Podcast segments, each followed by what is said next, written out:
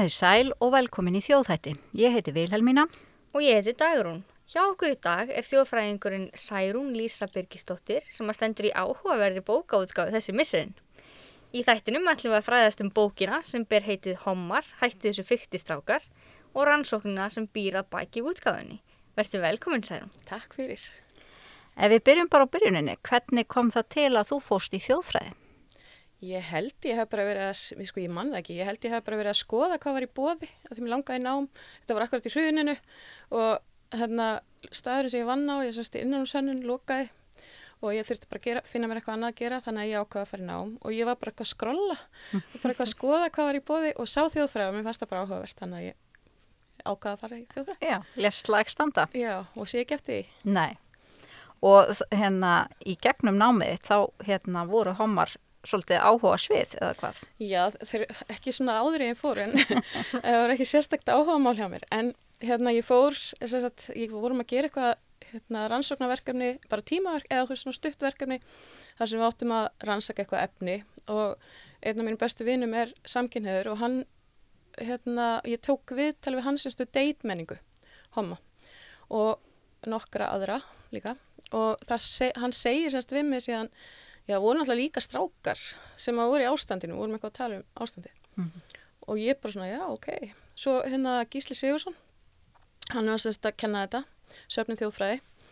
Og hann segi við mig, þetta er ekki eitthvað sem er hægt að skoða? Mm -hmm. þannig að ég fór bara áfram og þetta var bara björritgerðin mín var sérst að homar á hernumsárun mm -hmm. það sem var bara einblýtt á það. Svo held ég áfram með þetta í masternu, þá tók ég þetta svona víðara fór alveg aftur í Íslendingasögunar og eitthvað svona Mm.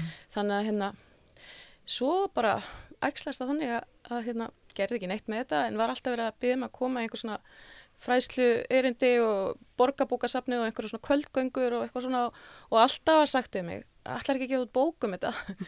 Þannig að ég bara, já, nei, ég veit ekki.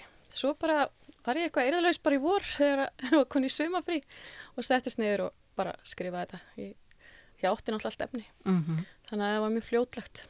En se, segð okkur einmitt aðeins frá því, einmitt hérna, frásögnunum sem þú sapnaðir og að sapna svona sögum um, um þetta efni. Í þá náminu byrjar það. Hvernig hérna, barstu það og hvernig gekk það? Sko það gekk mjög illa, ég hendur náttúrulega hernás árin aðalega en það var svona auðveldara rétt sögur eftir hernámið og, en hernásánu sjálf, þetta var bara svona þakka niður. Mm. og það var eiginlega bara út af einu manni sem að hitt uh, Þóri Björnsson, hann er látið núna sem að ég sagt, komst í kynni við og var sett í samband við hann og hann sagði mér alveg helling og síðan mm. út frá honum fekk ég, sérst, vinir hans vildi tala við mig en algjörlega undir nafnlind mm -hmm. þannig að það vildi enginn tala um þetta sko mm -hmm. þannig að sögurnar eru allar frá eila þóri og svo nokkru mannum og síðan fekk ég frá sko leigubilstjóra, kannum manni sem var leigubilstjóri hann fór að segja mér og einhverju tveir aðrir sem að, hérna, voru að vinna á höfninni mm -hmm. þannig að eitthvað svona, þú veist. En ég fekk ekki mikið að sögum bara frá almenningi því þetta var ekki til. Mm -hmm. átti ekki að vera til. Nei.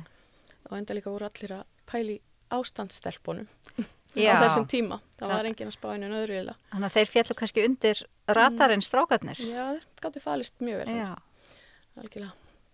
En þetta er bara skemmtilegt, þú veist, það er gaman líka að draga fram eitthvað sem að þú veist, e, kemur, er ekki sögur okkar mm -hmm. veist, og er, kemur hverki fram. Mm -hmm. þannig að þetta er bara veist, þetta eigi að koma fram. Já, og segð okkur aðeins frá sögunum sem þú vart að segja þá í bókinniðinni Já, sko um, svona megin kaplin er frá herrnáminu mm -hmm. þessar sögur sem sagt uh, frá Þóri eru svona viðamestar.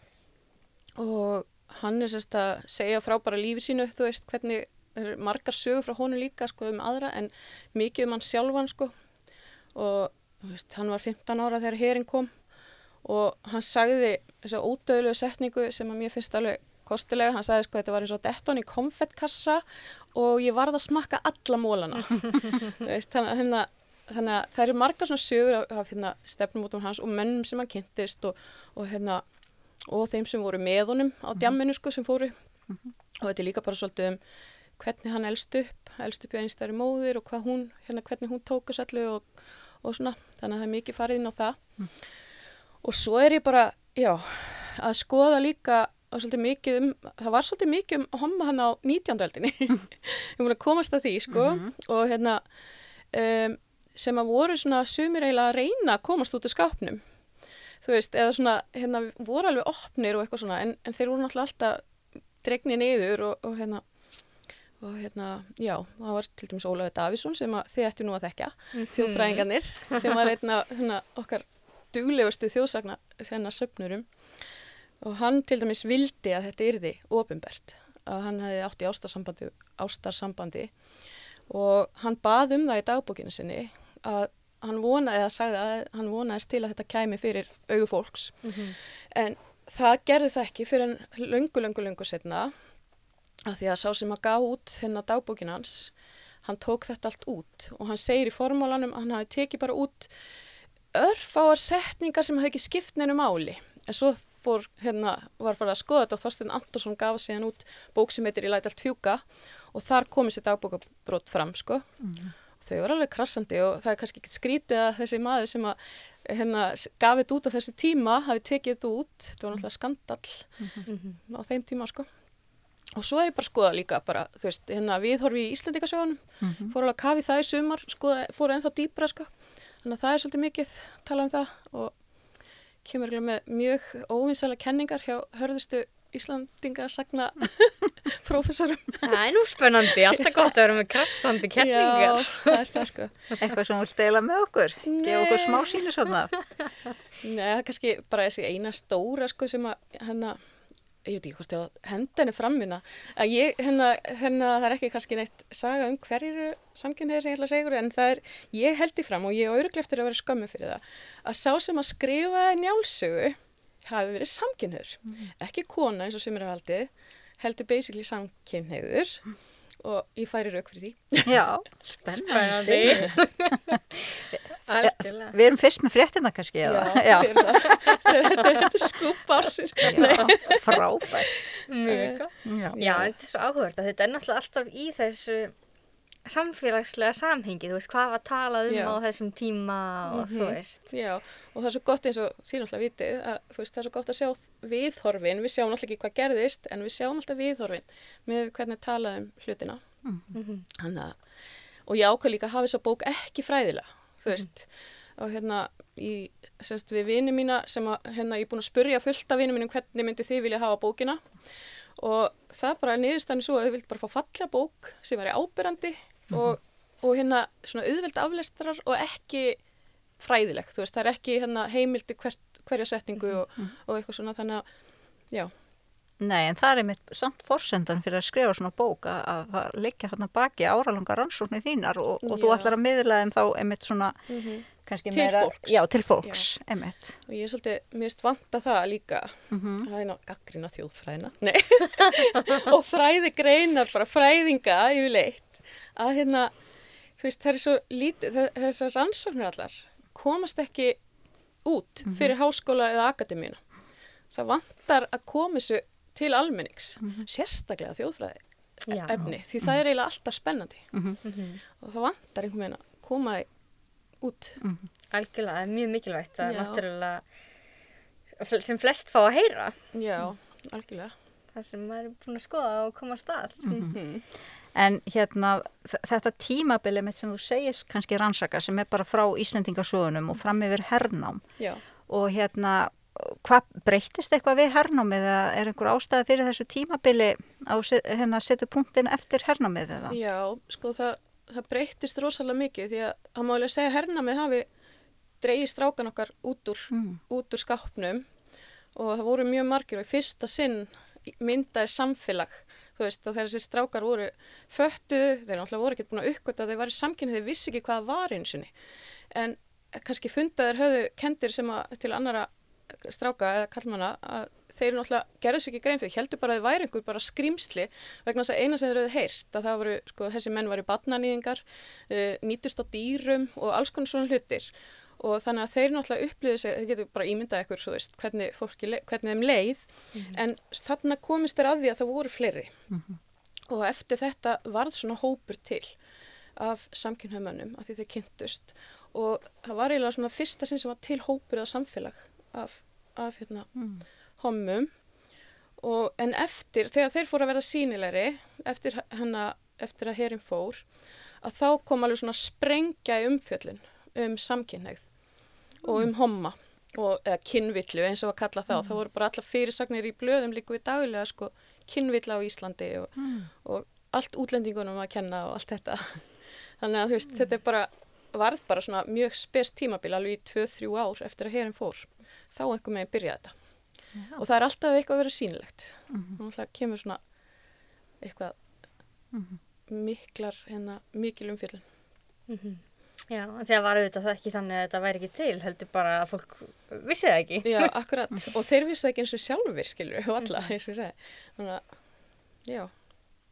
Já, þetta er áhugavert, þessar breytingar sem verða og þetta kemur inn á líka þessar breytingar sem verða þarna eftir. Að... Já, ég skoða það líka svolítið vel, bara viðhorfin og, og hérna, vinn rosalega mikið úr, úr hérna fréttum og blagagreinum og svona, þannig að sá kaplið svolítið svona spes á því leiti. Mhm. Og hérna, fullt af fyrirsögnum og sem kom allar í bókinu, sko, þú veist, þannig að tekið upp blöðum alveg rosalega mikið.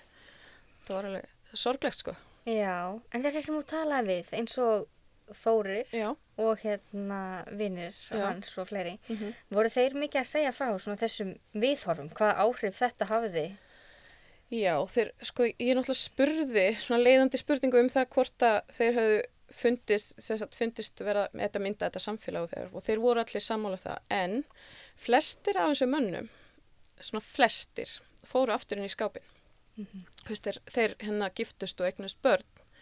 Um, það var alveg nokkri sem að voru nefndir, skiljum nafni frá Þóri, sko, sem að bara, hérna, voru giftir en voru giftu sig.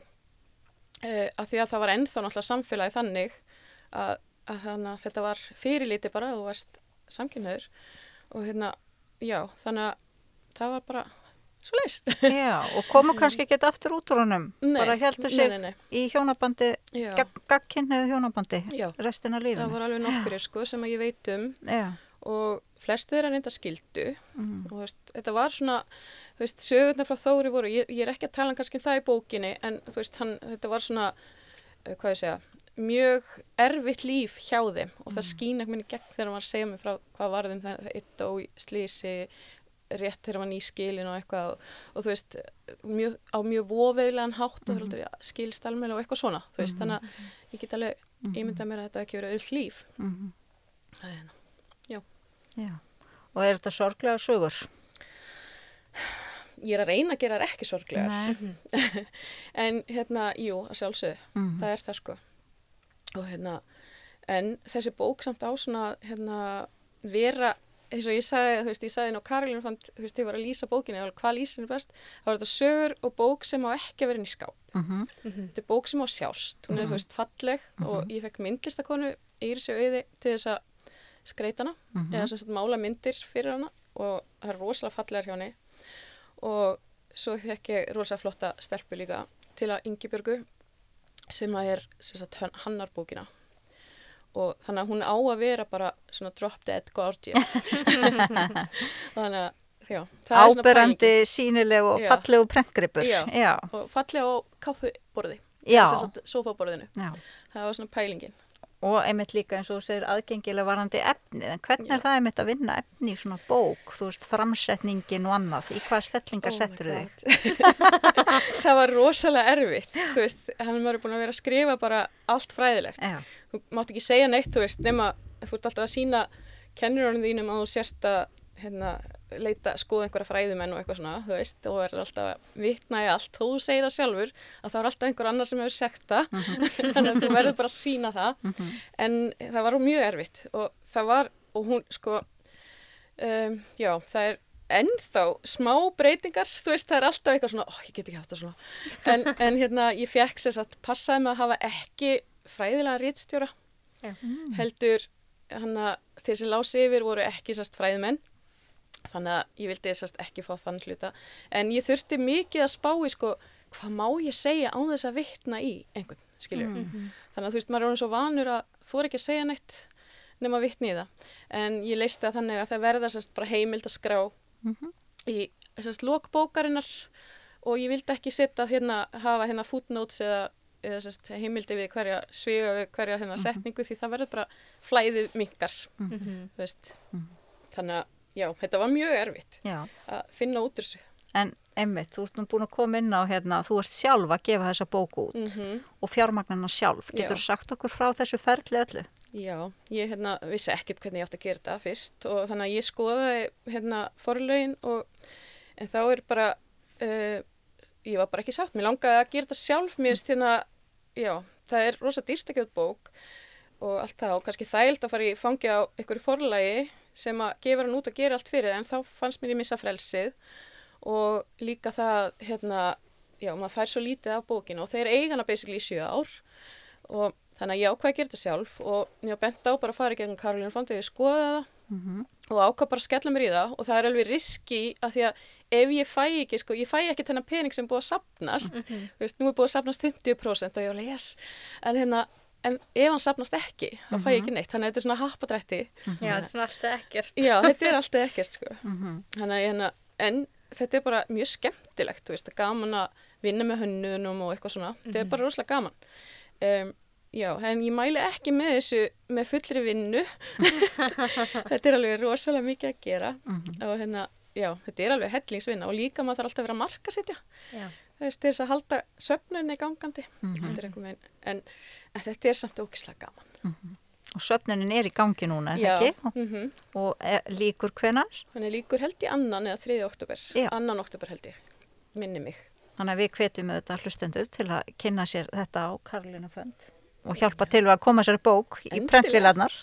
Og getur, fólk getur tryggt sér inntak. Já, þú getur fengið sko eintak bara í forsölu og hérna og svo getur þú fengið þú leggur minna þá færðu hérna printubókina eftir Írisi auði Mhm. og hérna, já, þannig að ég bara hvet fólk til að skoða allavega Karolína fond. Já, Það er bara hætti þessu fiktistrákar síðan.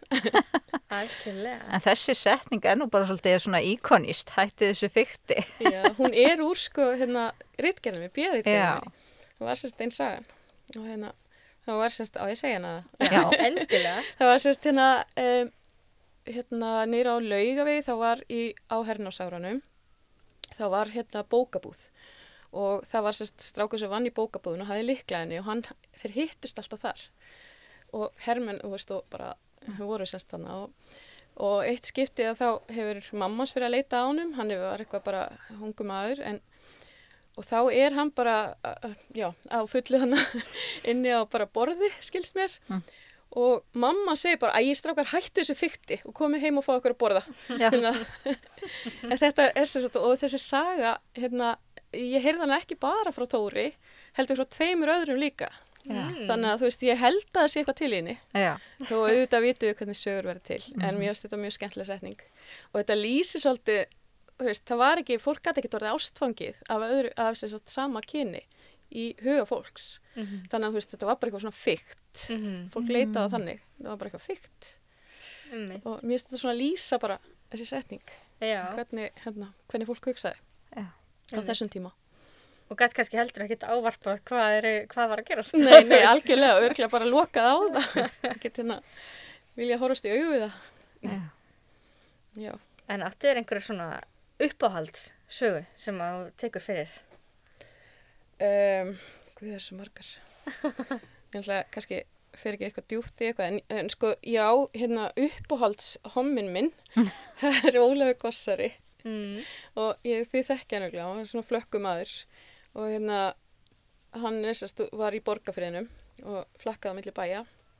Og það eru svo margar, þú veist, sögur af honum sem að hérna fólk mann eftir enn þann dag í dag, eldra fólk sko sem að, þú veist, hefur heyrt sögur á honum frá mömmu sinni og pappa eða eitthvað sko.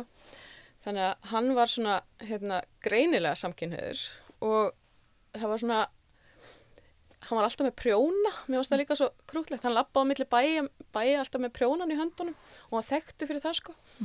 En hann var náttúrulega litið mjög niður á hann út af því að hann vildi allir fá hann heim mm. vegna þess að hann var svo góður í tófinu að prjóna og, og hérna vefa og svona. Uh, en það var samt alltaf til hans, það var ekki það var sagt sko, við, við látum ekki unglinga sofa hjá honum.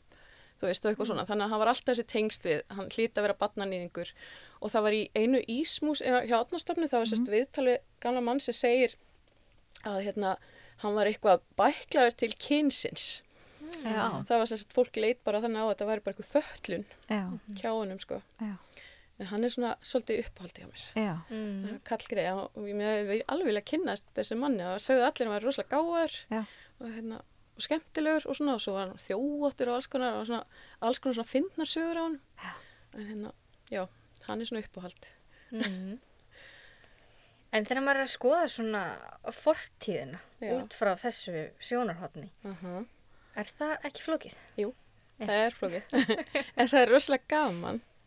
Og hérna það er alveg mál sko því að þú þarf náttúrulega sko, kannski, þú veist, þú ert kannski að lesa vittlust í eitthvað, þú veist það ekki skilur en, en hérna en það er eina sem við getum gert, það er að skoða þú veist, að því að fólk vefur atbyrði inn í sögurnar.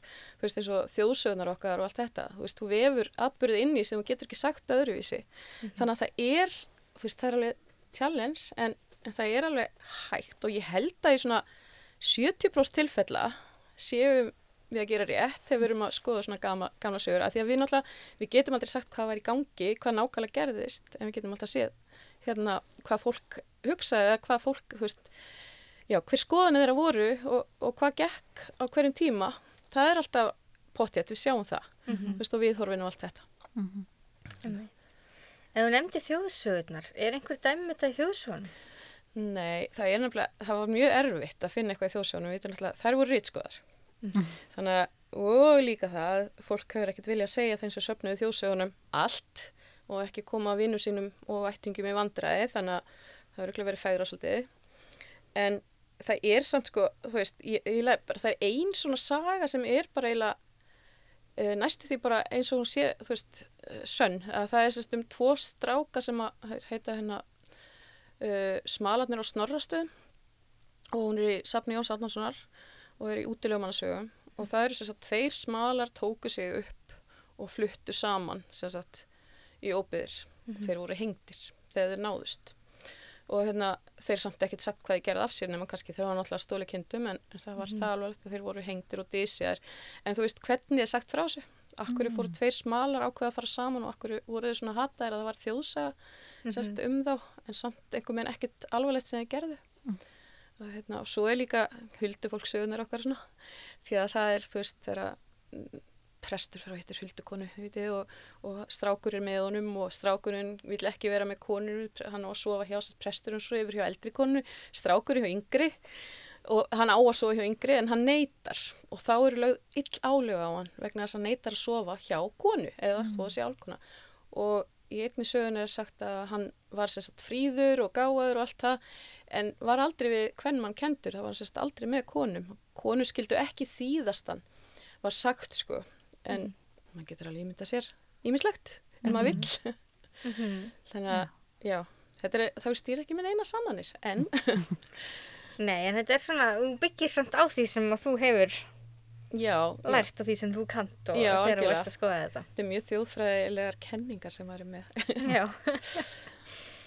sem er mjög áhugavert og náttúrulega mjög mikilvægt líka að gefa út svona bók uh, núna. Og þó að hún snúi að stóruleitum fortíðina þá á hún sannlega erindi við samtíman, ekki satt? Jú, og það er líka mist mjög merkilegt að, sem við var bent á af einum sem var að lesa yfir hjá mér. Að það er sem sagt hérna ég veit ekki hvort þau veitir náttúrulega eldklerkurinn sem að, hérna í skaftaröldum þá held hann þrumuræðu og hann segir einmitt frá því að fyrsta, fyrst, sem sagt, eldtungan sem að snart eitthvað var sagt, bærin hjá tveimur mönnum sem höfðu tekið sig upp og farið saman gegn eðli sínu og búið sérst í Geirlandi, í einhverju koti. Og það var fyrsti bærin sem fór undir hraun. Og presturinn segir að Guð hafi lostið sagt, bæin fyrst vegna þess að þeir voru að fara gegn eðli sínu. Og svo er sagt að þessi tveir menn höfðu síðan skilist í sundur út af þessu svo var einhvers bendið mér á ég, hérna, heyrður eitthvað Gunnar var að segja Gunnar í krossinum? Að þá sagði hann um daginn bara, eða þegar eldgósi byrjaði aftur að það var ekkit skrítið að vera eldgós því að kirkjan væri farin að hampa samkynheið og þú veist, þetta er ennþá skiljiði, þú veist, 1700 og eitthvað og, og hérna í dag eru prestar að segja þetta sama. Eða veist, en þú veist, þessi viðþorf Mm -hmm. þetta er alveg stór furðulegt sko eða bara stór merkilegt Já, að þetta skuli vera svona ennþá já, náttúrulega svakalegt og Mhm. bara ræðilegt í rauninni að við sem stundum ekki komin lengra Já, eða þú veist. en þetta kemur alltaf upp eins og bara í gegnum fortíðina. Það kemur alltaf eins og eftir hernámið, þá kemur a- rosaleg bylgja sem er talað rosalega mikið um að að þetta verið sýnilegt. Svo núna er verið að tala rosalega mikið um bara hins eginn fólk, þú veist, trans og það er verið að tala um orðabreitingar, þú veist, na- hérna, þú veist, breyta hérna, persónufólundunum og allt þetta. Þannig að það er, þú veist, það verður sýnilegt og þá verður allt eitthvað meginn, þá kemur bara svona siðafor í gang þar sem að, já, þannig að það er svolítið þannig. Og ég held að þetta sé bara út af sýnileikanum. En það sýnum bara að við erum ekki komið langt. Alltaf það er eitthvað gerist að þá fara allir í. Þannig að Við viljum bara hafa allt svo ljúft og þægilegt.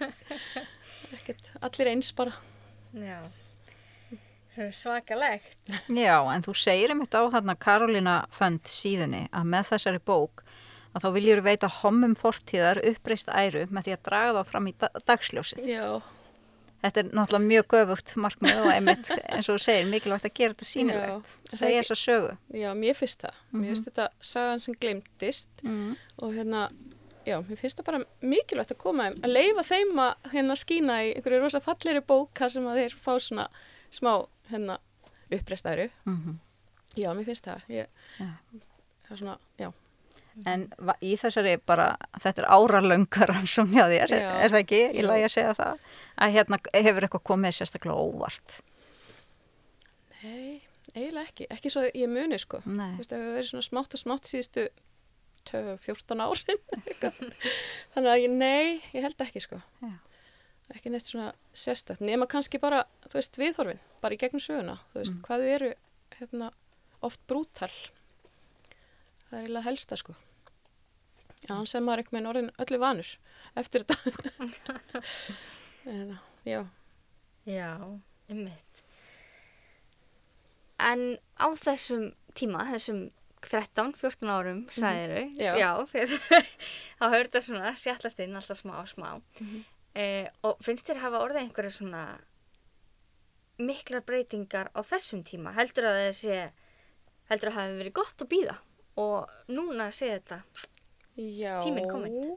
ég held það bara, en samt sko það hafa komið tvær svona bylgjur þar sem hafa mikið talað um þetta. Og það var í gleðigangunni 2013 í kringum hana að þá farið að tala um að þetta banna börn á gleðigöngunni og allt þetta. Að því að homar voru svo sínilegir þar og það voru einhverju sem voru, þú veist, berir ofan í einhver leðuvestum og eitthvað og það var allt vitlaust. Og það var náttúrulega bara einn hennar eldri tónlistamæður sem byrjaði á að segja þetta og heldi fram að þetta væri bara skadalegt börnum. Og þarna kemur einn svona bylgja og það fór rosalega mikið að tala um þetta og það var líka byrjað á sama tíma að fara að tala um listamannalaunin. Þú veist þetta blandast einhver með saman þú veist þetta tvent þetta gerist líka hana 1955 nákvæmlega sama var að tala um listamenn og homma í sama sömu svipan. Þeir voru skad, skadlegi börnum. Þú veist svona hlutir. Og svo núna aftur er svona þriðja bylgjan eða sérst önnu bylgjan á þessu tíma sem ég byrja síðan ég byrja sem kemur núna svona svolítið mikið bakslag Þannig að þetta er rosalega barátta eftir einhver megin. Þú veist, maður sér það á þessu sko. Mhm. En þetta er búið að vera svona í gegnum tíðina. Alltaf bara kemur svona í bylgjum. En fer ekki, því miður. einmitt. En þú setur punktin þarna við e, eftir hernámið. Mhm. Myndið þið langa að taka fram til okkar daga eða í framtíðin? Nei, það er svo mikið af fólki sem að er að rannsaka það. Og hérna, uh, þannig að ég læt svona sagfræðingana um það sem að eru, sem að eru hérna uh, algjöru sérfræðingar í þeim tíma sko. Þannig að ég, ég stoppa, stoppa þarna. Mhm. að því að já, það er svo margir, marg, mikið að góðu fólki sem er búið að skoða og gefa út alls konar rítgerðir og, og þannig þannig að ég ætla að stoppa þarna sko Mm Algjörlega. Og þitt sjónarhótt náttúrulega þetta þjóðfræðilega að tala við Já. eh, bara strákana sjálfa sem þannig voru. mm þannig að maður fara að spá í því þá held ég að þjóðfræðin hafi sko uh, ég hefði náttúrulega aldrei skrifað þessa bóka ég hefði ekki farið í þjóðfræði. Og hún, þjóðfræði, þú veist, hún er svo stór, hún er svo víð og það er svo mikið sem maður lærir. Þó maður fatt ekki að maður sé búin að læra það að þá er svo mikið sem að maður tekur inn í náminu sem að kemur svo bara í ljós setna að er alveg að gera helling fyrir mann þannig að ég man alltaf til að fara í þjóðfræði Já. Algjörlega. Og um að gera fyrir þjóðfræðinga að láta sig svona stór bálefni kannski eins og þetta er varða. Og já, koma sitt sjónarhótt. Já, og koma út með það, skilur, og segja frá því sem þeir eru að rannsaka og að mista svo vanta. af því að það er svo, ef maður skoða bara skemmuna hjá, rítgerð hjá þjóðfræðingum, þú veist, rannsóknarefnin að þá er þetta bara næstu ykkur einasta rítgerð eitthvað áhugavert, eitthvað sem á erindi út fyrir skemmuna. Þannig að það þarf einhver megin, þú veist við höfum að vera duglir að, að hérna, fá þetta út úr akademíunni og inn á bara heimilin. Algjörlega. Inn í hlaðvarpið, inn í hlaðverfin Akkurat. Nákvæmlega, heyrðu, ég held að þetta sé bara fullkomin loka orð. Já, við þökkum þið kærlega fyrir komuna, Særún Lísa, og óskum þið góðs gengis með bókina. Hvetjum við þetta hlustendur til að fara inn á Karolina Fönd, finna þar bókina, hommar, uh, hættu þessu fykti strákar og hérna hjálpa til við að láta þessa útgáfu verða veruleika. Kæra þakki fyrir mig Takk fyrir að hlusta.